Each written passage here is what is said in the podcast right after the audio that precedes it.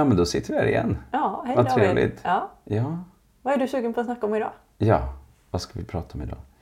Eh, men vi här har ju lite olika ämnen, men eh, ska vi ta det här med eh, att våga? Att få barn att våga saker och ting. Ja, Klara av att gå på kalas. Och... simskola. Ja. Ja. Ja, den frågan, jag får den frågan jätteofta. Mm. Alltså hur får jag mitt barn att våga Mm. X, Y, Z? Ja. Eh, Jag svarar alltid med en motfråga först. Ja, Ja. Vad är det för Eh, motfråga? Jo, men den är ungefär så här att eh, Vem är det som har problemet här? ja. Mm. Är det ditt barn som vill våga eller är det du som skulle önska att ditt barn vågade? just det. Det är en jätteviktig fråga. Den är skitviktig. Mm.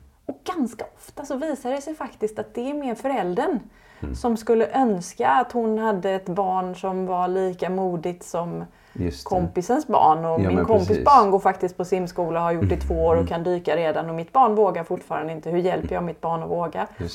Eh, och ibland så tänker jag att om barnet inte själv har ett problem med att Mm. hen inte vågar. Då är det kanske inte ett problem. Det kan ju vara så. Och sen så, så tänker jag som bara en reflektion på det där med simskola som jag tycker är lite intressant.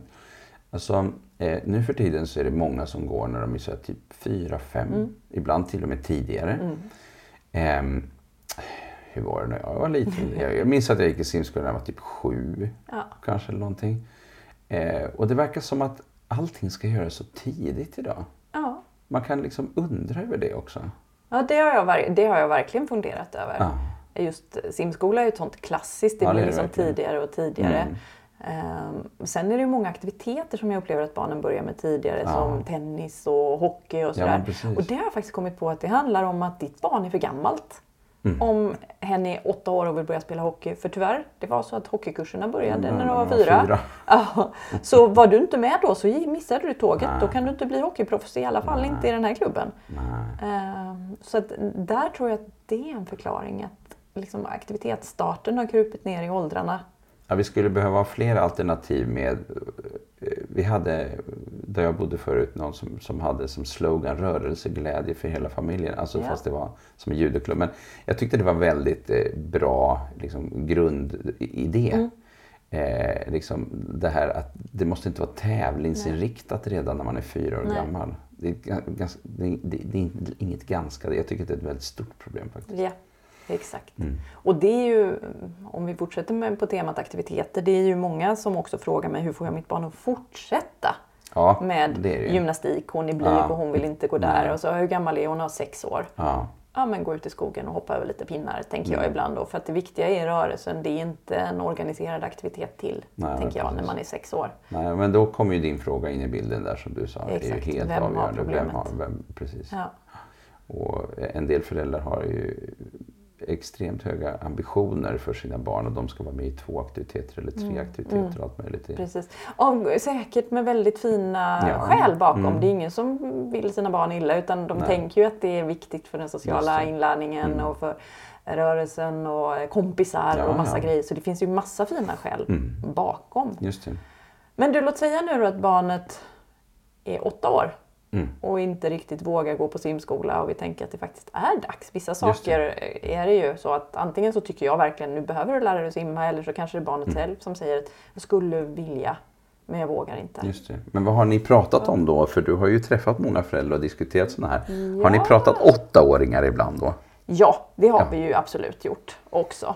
Mm. Och jag tänker att man kommer ju, dels kommer man ju till en ålder när det är dags oavsett om barnet vill eller inte Alltså, kanske. det står ju till och med i skolor inskrivet. Precis. Så det är inte så mycket Och sen är det ju också de här barnen som, faktiskt, som är ledsna för att de inte Mm. förmår. Liksom. Nej. Ehm, och där har jag märkt att ehm, i all välmening så gör föräldrar ett, ett ganska vanligt misstag där och det är att de kommer med försäkringar till barnet. Mm. Det är inte farligt det älskling. lugnt, det kommer att gå bra. det kommer att gå bra. Och det är Mm. liksom, de berättar alla anledningar till att barnet inte borde vara orolig. Nej, just det. I all välmening. Mm, Igen. ja. Ja. Eh, och jag tänker att det som barn behöver i det läget är ju absolut inte försäkringar. Nej. Utan det är ju förståelse Mm. först och främst. Mm. Eh, så att, och då behöver man ju börja med att fråga barnet för att förstå. Föräldrar tror ju ibland att de förstår varför barnet är rädd. Mm. Eh, Men det är ju inte alls säkert att det är den anledningen som föräldern tror. Nej. Eh, Det kan ju mycket väl vara, jag vet att min pojke han, han var orolig för att gå i simskolan. Eh, Och jag trodde ju att det var för att det var kallt i vattnet. För det var det. Och mycket barn. Och det visade sig att det var inte alls det. Utan det var att eh, fröken talade med arg röst. Tyckte han. Och det hade jag ju aldrig fått reda på om jag inte liksom verkligen berättat för mig älskling, jag, jag har svårt att fatta. Vad är det som gör att du inte vill gå på förskola eller på simskola? Nej, på simskola, Vad är ja, det som precis. känns jobbigt för dig? Ja men fröken är så arg. Mm. Och då hade det varit jättelätt för mig att säga nej det är hon inte alls det. Just det. Men istället så sa jag, är hon? Hur vet du det? Mm. Ja men hennes röst. Och så fick vi liksom pratat om det. Just det. Och hur blir det för dig när du tycker att hon har arg röst? Mm. Och hur skulle du vilja att hon pratade istället? Och, så när jag hade förstått det, Just det. då var det ju mycket lättare för mig lättare. att hjälpa honom. Eh, Men innan jag har förstått vilket som är hans problem så kan jag ju inte hjälpa honom. Nej. Nej. Nej, det har ju det där med tonfall och tonläge och hållning. Det tycker jag har präglat, eh, det känner jag igen jättemycket också. Eh, att eh, eh, för min son också, när det har slutat aktivitet har jag nästan alltid hängt på eh, eh, någon tränare eller person som har en hållning som är lite argsint eller har, eh, liksom, gjort på något trist sätt. Liksom. Som verkar arg. Så har det liksom, Ja. Även om just simskola faktiskt var det som ändå fungerade ganska bra för våran del. Ja. Så, men men det, är, det är intressant det där med ehm, eh, eh, hur man... För du, för du beskriver så bra tycker jag det här. Hur man liksom formulerar sig för att få reda på någonting. ja, Och inte förutsätta att det är på ett visst sätt. exakt. Det är där någonstans som jag tänker man alldeles för ofta hamnar. Ja, lite bristande nyfikenhet Ja, tror jag. Eller kanske lite bråttom till målet. Lite, ja. ja. men jag har ju redan fattat vad ditt problem är. Just Så att det. nu löser vi det så här. Och det är till och med möjligt att du har rätt som förälder, tänker jag. Mm. Det kanske är att vattnet är kallt. Ja, ja. Men barn bryr sig, det finns ett uttryck som heter barn bryr sig inte om hur mycket vi vet innan de vet hur mycket vi bryr oss. eh, och då behöver vi börja med att visa att vi bryr oss. Och jag tänker att det visar vi Mm. genom att ställa intresserade frågor. Inte genom att berätta att jag tror att det här är ditt problem. Mm. Eh, vad tänker du om det? Ja. Ja. Nej, jag har inte... Ja. Nej, men jag tänker att det finns eh, eh, många ingångar i, i det här med hur man ska hitta, hitta till varandra. Ehm, och nyfikenheten och de nyfikna frågorna och formuleringarna är ju otroligt viktiga. Ehm, det är en inställningsfråga där. Eh, och jag tänker just det här med att man har så bråttom till målet som du är inne på. Att det är... ehm, eh, Det blir liksom, liksom skygglappar på något sätt. Ehm, Och som att också jag har bestämt vilket målet är. mm, Och nu ska, vi, nu ska jag bestämma en bra väg för att komma till det målet. Och jag tänker om vi tar exemplet simskola igen. Alltså det är ju inget självändamål att gå i simskola. Utan det är oftast någon, en metod som vi väljer för att vi vill att barnen ska lära sig att simma.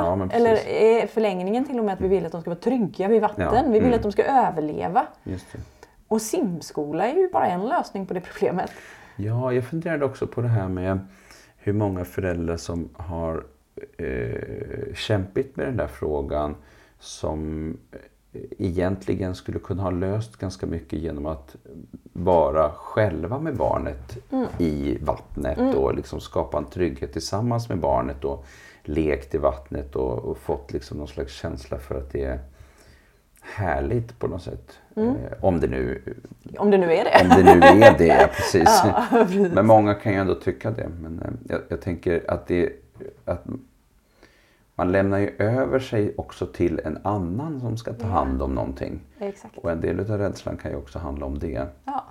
Och jag tänker att för att vi ska lämna över oss till någon annan så behöver vi ha tillit. Ja, verkligen. Och det behövs verkligen, om vi fortsätter på exemplet simbassäng, det behövs verkligen i en simbassäng. Ja. Så det är ju inte konstigt om barn behöver bygga relation innan de lämnar över sin trygghet och säkerhet Nej, till en simskolefröken. Ja, Eh. det där är som att det nästan ska gå liksom väldigt snabbt automatiskt på något sätt. Ja. Att, att man bara ska liksom acceptera en ny vuxen och, och tycka att det funkar jättebra. Men det där har vi också när vi tittar på inskolningar på förskolebarn. Ja. är otroligt olika. Ja, Alltså en del de bara springer in och sen hej då liksom föräldrarna, liksom, vad jobbiga ni är som är kvar. ja. Och andra de klänger sig fast och skriker och Ja. gråter och det är helt otroligt jobbigt. Ja, Så, så det finns ju inte en lösning för alla. det finns inte en lösning för alla. Men, Nej. och en del, för en del är det ju just det där att vänja sig vid platsen och människorna. Mm. Men för andra så kan det ju vara så, det här som du var inne på från början. Det här med, kan det vara för mycket folk på plats? Mm. Alltså är det för många andra barn? Skrikigt, det låter mycket. Exakt. Ja, alltså simhallen, om, om vi fortsätter prata om den, den är ju verkligen ett sensoriskt helvete skulle min dotter med auti- autism säga. ja. Det är ju hur mycket ljud och stök och rörelse Ja. som helst. Liksom, Och massa intryck med vatten i ansiktet och kyla och värme. Och, ja, Just det. så är det ju. Vi har andra situationer. Eh, kalas. Mm. Ja. Ehm, jag fick eh, vara på plats när andra föräldrar gick iväg Mm. med min dotter. Det var jättejobbigt eh, för, För- henne för att henne, släppa. ja. Och jag var kvar. Ja. Och eh, så blev det, släppte ju det där så småningom. Men, Ja. men jag, menar, jag tänker på det här med en del föräldrar de planerar liksom att ja, men då släpper jag barnet på kalas och sen så hinner jag handla i två Ja. timmar liksom, så Ja. kommer jag tillbaka och hämtar sen. Och för många funkar ju det. Mm. Och för andra gör det det inte. Och jag tänker igen, då behöver man vara öppen för att det jag har tänkt mig kanske inte kommer att hända. Liksom, Nej. men prestigelösheten. Ja. Liksom. Mm. Och kalas är också en sån där Det är också grej. ett sensoriskt helvete. Ja, verkligen. Och sen är det också det att man så lite... Eh, det, det, det, är- många på plats men, men det är också det att för vissa barn så skulle de verkligen behöva veta vad ska hända lite Ja. mer i detalj. Precis.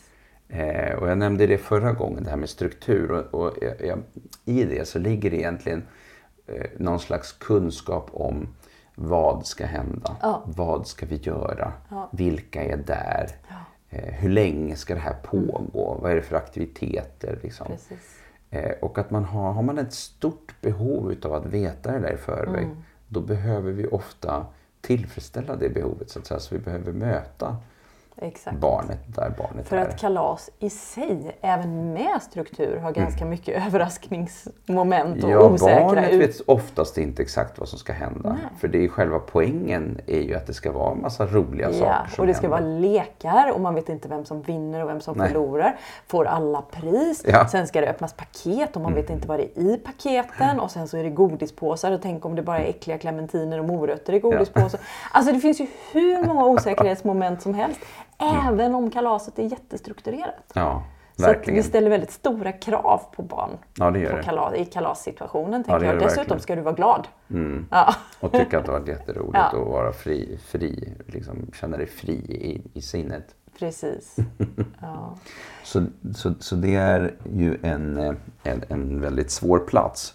Men om vi nu tänker oss att vi har en eh, femåring, fyraåring som då inte vill gå på kalas och är vill jätteskärrad. Nej. Jag tänker inte gå. Nej. Nej. Ja. Och då tänker jag, nej men alltså det är ju inget tvång att gå på kalas Nej. för det första. Eh, och sen så tänker jag, ofta är ju barn kluvna. Mm. Jag vill men jag vill ändå inte. Nej, precis. Ja, och då, och då är vi föräldrar så, i all välmening igen, Mm. tänker jag väldigt ofta där och försöker lösa problemet åt barnet. Men då gör vi så att du tar med din nallebjörn och så kan du krama den om du Mm. Just blir det. ledsen. Eller pappa följer med och så sitter han i ett annat rum. Så vi är väldigt snabba på att hitta lösningar Vi- åt ja, barnet. mm. Eh, och det är ju Ibland kanske funkar, det. ibland. Men samtidigt så tänker jag, nu kommer jag tillbaka till det jag pratade om i Ja. förra avsnittet, med kort och lång sikt. Ja. Ja, för på kort sikt så funkar det kanske jättebra. Det blir ett bra kalas för pappa Mm. Ja. satt i rummet bredvid. Men på lång sikt Mm. som förälder så är ju mitt mål att mitt barn ska lära sig att hitta sina egna lösningar på sina problem. Att bara, nu står jag inför en utmaning här. Vad består den här utmaningen i? Och hur kan jag agera nu för att det ska Mm. Ja, bli bra för mig? precis. Ja. Och om det är mitt långsiktiga mål som förälder, då hjälper jag kanske inte barnet genom att säga nu bestämmer vi att vi gör så här. Nej. Utan då kanske jag hellre skulle ställa frågan, men du vad är det som är viktigt för dig då? Mm. Ja, men jag är rädd. Aha, så du skulle vilja vara trygg. Har du några tankar om hur du kan göra för att vara trygg? Mm. Och då kanske barnet har det. Jag skulle kunna det här, jag kan ta med nallebjörnen. Mm, det skulle du kunna göra. Hur tror du det blir om du gör det? Ja. Och så får barn, nej men då kommer de nog att reta mig. Mm. Då kommer de tycka att jag är en fjant som har gosedjur med. Okej. Mm. Så finns det något annat du skulle kunna göra? Mm. Så att, men det är ju det här som coacherna håller på med fortfarande. Liksom ställa coachande frågor. Och en fyraåring är kanske lite liten, det beror på verbal förmåga. Men då Verkligen. kanske man kan ställa frågan, hur tror du, jag tänker att du skulle kunna ta med nallen. Vad tror du om det? Mm. Just. Och så tänker jag att pappa skulle kunna följa med. Vad tror Mm. du om det? Och så ställer man olik, ger barnet olika förslag och så får barnet ändå reflektera själv kring på vilket Så sätt liksom- det är hjälpsamt. Är det möjligt så försöker vi ta reda på mer. Eh, Har vi ett barn som vi inte får så mycket av fast vi behöver ibland invänta. Ja, Och vara precis. lite på där. Ja, Eh, Men eh, då kan vi också komma med förslag men ändå säga vad tror du om det? exakt. Som ett sätt att ändå säga att det är inte bara jag som bestämmer att vi gör på det här sättet. Precis som att Utan lägger tillbaka lyssnar. Mm. det. Lite som att ja, det här är ju ditt problem. Du vet ju bäst hur du ska lösa det. Jag bara det. hjälper dig här lite grann, Ja. skjuter från höften och kollar vad... ja, men lite så. Ja. Va? Och sen som du sa att vi kan behöva ha lite is i... Vi kan ha bråttom. Ja, Det tänker jag också. Och Ja. det är också särskilt om, om något barn säger det fem minuter innan man ska åka. Då är det jobbigt. Ja. Ja. Och, och man har liksom bestämt sig för att man ska dit, lämna och sen köra något annat barn till någon annan Ja. grej. Eh, och hoppas att allt ska klaffa. Precis. Men David, handen på hjärtat.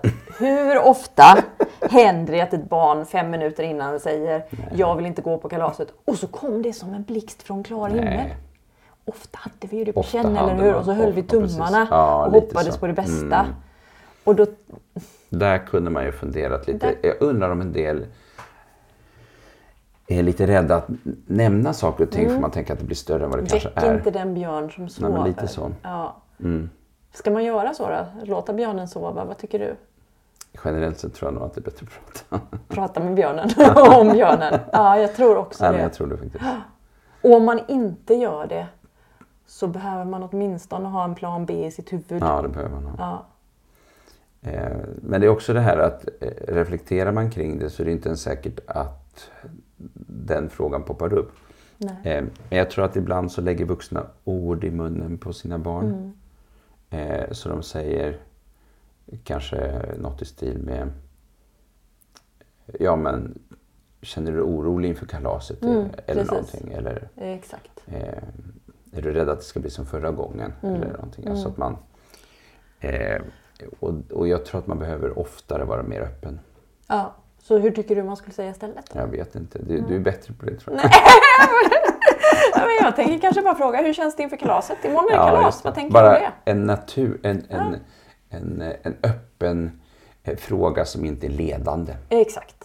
Bara Precis. rakt upp och ner. Ja. Mm.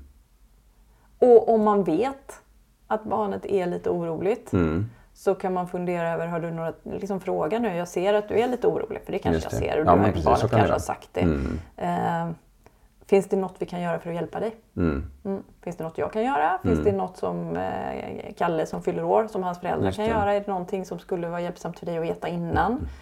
Eh, för då kan vi också, och det här är så fint om man bjuder in barnet i den Mm. processen. Att fundera över vad behöver du för att må bra här? Just det. Ja, Så en ganska naturlig, öppen, rak fråga. ja. Eh, så, eh, och eh, kring egna tankar exakt. eller känslor. Ja. Och då säger barnet kanske jag vet inte. Nej. Nej. Och då tänker jag att om vi nu inte är fem minuter innan kalaset Mm. utan det här kommer en vecka innan. Just det. Då behöver man inte ha så bråttom. Nej, behöver man Utan då kan man säga, nej så kan det ju vara, du är, du är inte där i tanken än. Nej. Men om du kommer på något Mm. som du vill att jag ska veta så säg till mig. Just det.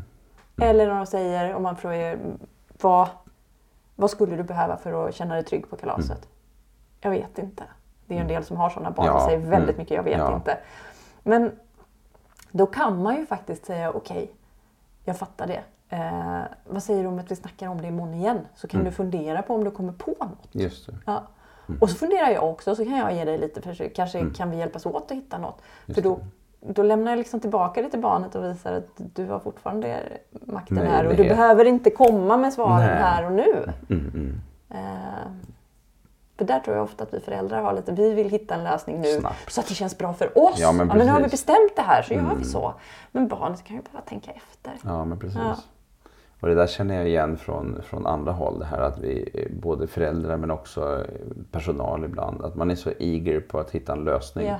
Så att man liksom egentligen, eh, dels kan det vara att köra över så att säga barnet eller eleven eller Mm. vem det nu är eh, som man har. Men, men, eh, men också att det faktiskt kanske inte blir så bra, själva lösningen. Därför att man Nej. själv har en idé om lösningen men man har inte lyssnat till, till barnet eller individen själv så Nej. har man inte fått den inputen riktigt. Precis. Eh, och man ha- hamnar i att det är förutfattade meningar. Ja. Så, så att vi har ett dilemma där verkligen. Verkligen. Och sen Mm. så tänker jag att det är mycket möjligt att om barnet fick tänka efter så skulle han komma till precis samma lösning som fröken Mm. Hade. Eller som mamma hade. Mm. Men lösningen blir bättre för barnet om barnet själv har fått komma fram så till är den. det ju. Ja. Eller hur? Så är det ju. Jag gillar ju mina lösningar mycket bättre Ja. än någon annans. Så om min man kommer med en lösning som jag kanske hade kunnat tänka ut själv så tycker jag inte lika bra om den som om jag hade kommit på den själv. Så är det ju bara. Precis. Så att, Det här är kul. Ehm, ja. Sen tänker jag, det är ju... Det är inte bara det att barn behöver tid att tänka efter som gör att de inte alltid vet när man frågar vad tror du du kan göra åt det här. Nej. Utan ibland är det ju också som tillit faktiskt till att mamma och pappa har ändå redan bestämt sig för lösningen så det spelar ingen roll vad jag säger. Nej, precis. Alltså det finns en bristande tillit till att vi ska ha ett samarbete Och där här. har man ju ett jättestort långsiktigt problem. Ja, Ett gigantiskt. För då Ja. behöver man verkligen jobba långsamt successivt på att Mm. öka tilliten genom att faktiskt Lyssna. fråga och Ja. lyssna. mm, precis. Jag kommer ihåg på eh, psykologutbildningen så var det en kvinna eh, som, eh, jag kommer inte ihåg vilken lektion hon hade, men jag kommer ihåg att hon tog ett, tog ett exempel från sin egen familj, nämligen att hon hade ett barn som var så otroligt annorlunda henne själv. Mm. Hon älskade fester. Och, de hade, hon, och, och, och hennes man och, då, och hon hade andra barn, som, men hon hade fått ett barn som inte alls tyckte om det. Som tyckte att det var liksom jobbigt med de här tillställningarna när det kom massa folk och inte visste vad man skulle göra. Och den här dåliga matchningen, liksom, vad ska man säga, i eh, personlighetsdrag, i eh, eh, hur man fungerar, kanske också till och med nervsystemets liksom, funktionalitet någonstans.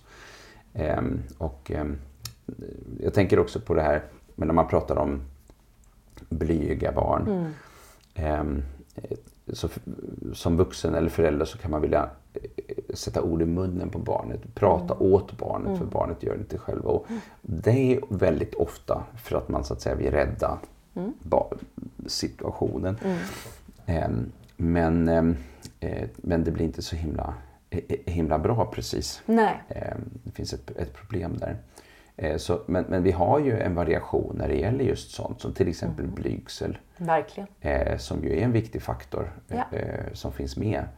Och eh, eh, som också är en sån där faktor, alltså många eh, i, i, i regel så minskar blygsel med åren. Mm. Så, så, så liksom någonstans funkar det. Så är det. Eh, Men det är ju en oro i sociala sammanhang och en del barn har ju det där väldigt starkt. Att det är jobbigt med nya sammanhang.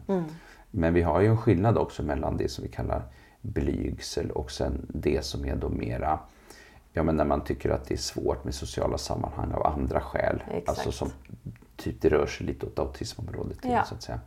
Så vi har ju många olika delar i det här. Precis. Eh, ångest är ju också, och social ångest eller social fobi. Alltså vi har många olika begrepp för olika Mm. saker som ligger i det här området. Och det är ju inte alltid att man vet precis vad det är Nej. på en gång. Nej. Nu brukar vi inte prata om kanske soci- ja, i och för sig social ångest hos fyraåringar. Eh, eh, kan det ju absolut finnas. Mm. Men då Eh, benämner men vi det nog fortfarande ofta som blyg va? pratar oftare som det. Mm. Om vi inte eh, rör oss i riktning mot att vi har en autismdiagnos eller någonting. Precis. För då blir det annorlunda. Mm. Eh, ja. Det är ju precis som du säger, det är ju viktigt att veta att alla liksom, tillbakadragna barn vill ju inte vara mer utåtriktade. En Nej, men del det är är ju- ju... nöjda med att Ja. ha det som de har det. Och Ja. då, är det, då är vi tillbaka där vi börjar. Vem har problemet? Ja, just Ja, det. Och, och också någonting med vad ska jag säga, hela vårt samhälle någonstans som har, som har en slags Alltså det här extroverta, sociala, utåtriktade där man får energi av att vara med andra och man Ja. liksom tar för sig eller man liksom eh, har, känner att man har en tydlig plats i systemet. Mm. Och, och så. Eh, Alla människor är ju inte där utan snarare är vi på en glidande skala där vi kan säga att kanske typ hälften är där och hälften är på en, den nedre delen som Precis. rör sig i riktning mot att vara mer introvert. Ja. Eh, och de här skillnaderna i personlighetsdrag finns ju också med i den här typen utav, eh, när vi pratar om sådana här frågor. Om man är lite mer introvert av sig så, Precis. är, det ju, är man inte lika, lika, tycker inte att det är lika roligt kanske alla gånger med de här stora sammanhangen. Nej, det vi introverta som har Stökiga fått blomma nu under coronakarantänen. Ja. Och andra har haft det lite tuffare. Ja, ja, vi som de. hämtar energi i vår ensamhet, vi har haft det ganska bra Just nu. det. Och jag är lite mer på den extroverta sidan. Mm, det är så, det har jag inte får mig. liksom Ja. hålla, hålla liksom. Och, och Så det har varit lite andra. kämpigare för dig nu då? eller? Nej, i och för sig inte eh, i den bemärkelsen. Ja, men det är ju tråkigare att hålla föreläsningar för en kamera än för människor. Ja, det kan jag hålla med om. Hur introvert jag än är så tycker jag, jag går inte igång på att titta in i kameraögat. Nej, så är Så, det. men, eh, så att det, det är så. Men, eh, ja, nej, men, men det här tillbaka till, eh, till vad kan det finnas andra för, situa- för andra situationer? Som Ja, barn, eh, simskola, kalas. Eh, Ofta är det just det här lite stora Sociala sammanhang. sammanhang, Sociala ja. sammanhang.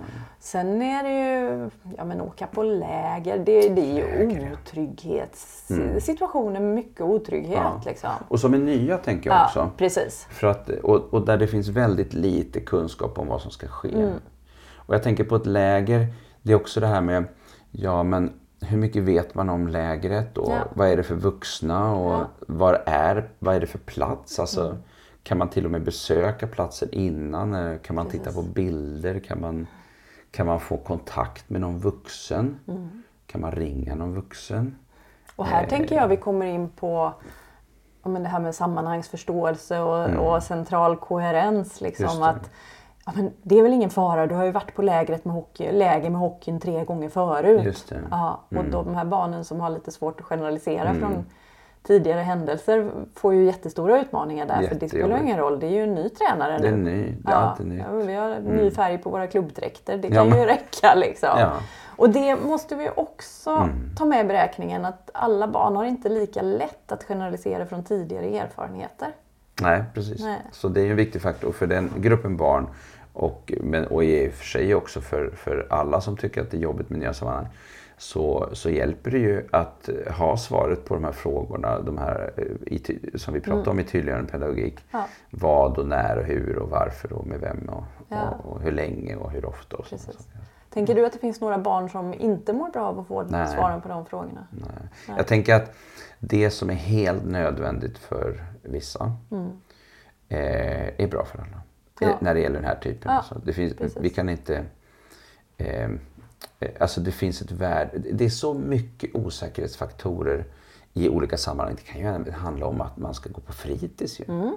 Eller att man har en friluftsdag. Det är ju, jätte, det är ju en del som tycker att det är fruktansvärt. De är aldrig med på friluftsdagar. Därför att allt är annorlunda. Och man, kan, man, tror, man tänker att det handlar om blygsel eller oro. För liksom. Men många gånger kan ju det där vägas upp utav att man får reda på att jo, men du ska vara med den här personen då och, och ni ska göra de här sakerna. Och till och med kanske ehm, vad man ska äta och var och, brev, och vem man ska sitta Ja. med. Alltså sådana där saker som kan ställa till det. Exakt. Så, och det är ju det där eh, också som vi ser svårigheterna med, eh, med helhet finns ju med för de som har det riktigt svårt. Mm. Ja, precis. Om vi summerar Ja. upp det här då Ja. David. Vad, vilka Mm. tre tips vill vi skicka med? Herre. Mm. ja, vad skulle det vara för tre tips? Eh, ja, men ett av de viktigaste kanske är det här att faktiskt öppna upp för en, en genuin dialog. Ja, nyfikenhet. Ja, Ja. där har vi ju en jätte, jätteviktig fråga, tänker jag. Ja, öppen på att förstå barnets Ja. perspektiv på Ja. problemet. Och jag vill också skicka med den frågan som jag inledde med. Vems är problemet? ja den är... Ibland är det inte barnet vi ska ändra. Nej. Ibland är det kanske jag som förälder som Mm. behöver gå i lite terapi och sörja att jag inte fick det barnet som jag trodde att jag skulle få eller ville ha. Precis så, ja. Ja. Ehm, Så det är, ju, det är ju en viktig fråga. Och sen tänker jag det här med tydligheten. Ja. Eh, som vi pratade om här på slutet nu med tydlig pedagogik. Alltså det här att det finns ett värde att förstå vad, vilka förutsättningar som, som Mm. gäller eller vad som ska hända och, och med vem allt upp. Alltså, Det där ska vi inte underskatta. Och Mm. Nej. vi tror att vi är, jo men det, det kommer ju vara eh, den och det, det här barnet, liksom föräldrar är ju där och, och den Mm. och den och det barnet. Och, då, och ni kommer väl, och det är som vanligt, man äter tårta och ni vet det blir lekar och sånt där. Och så räcker det liksom så. Men eh, fast det gör ju inte det Det för gör barnet. inte. Nej. Och även där nyfikenhet kring vad är det? Inte liksom att vi bara ger informationen utan det kanske barnet oroar sig för något helt annat. Vad händer om jag blir bajsnödig? Finns det någon toalett? ja, Ja, en sån sak. ja. En ganska viktig fråga. Ganska väsentligt. ja. ja. Vad är det något mer då? Nej men också att bjuda in barnet i lösningarna. Ja. Ja. Och där kanske man inte får lösningarna på en gång. Man kanske Nej. behöver lite tid på Is i sig. magen. Lite is i magen. Och prestigelöshet. Mm. Mm. Ja. Ja. Jag tycker det var en rätt bra summering David. ja, men vi kör på det. Ja. Tack vi för idag. avrundar för idag. Hej då. Hej, hej.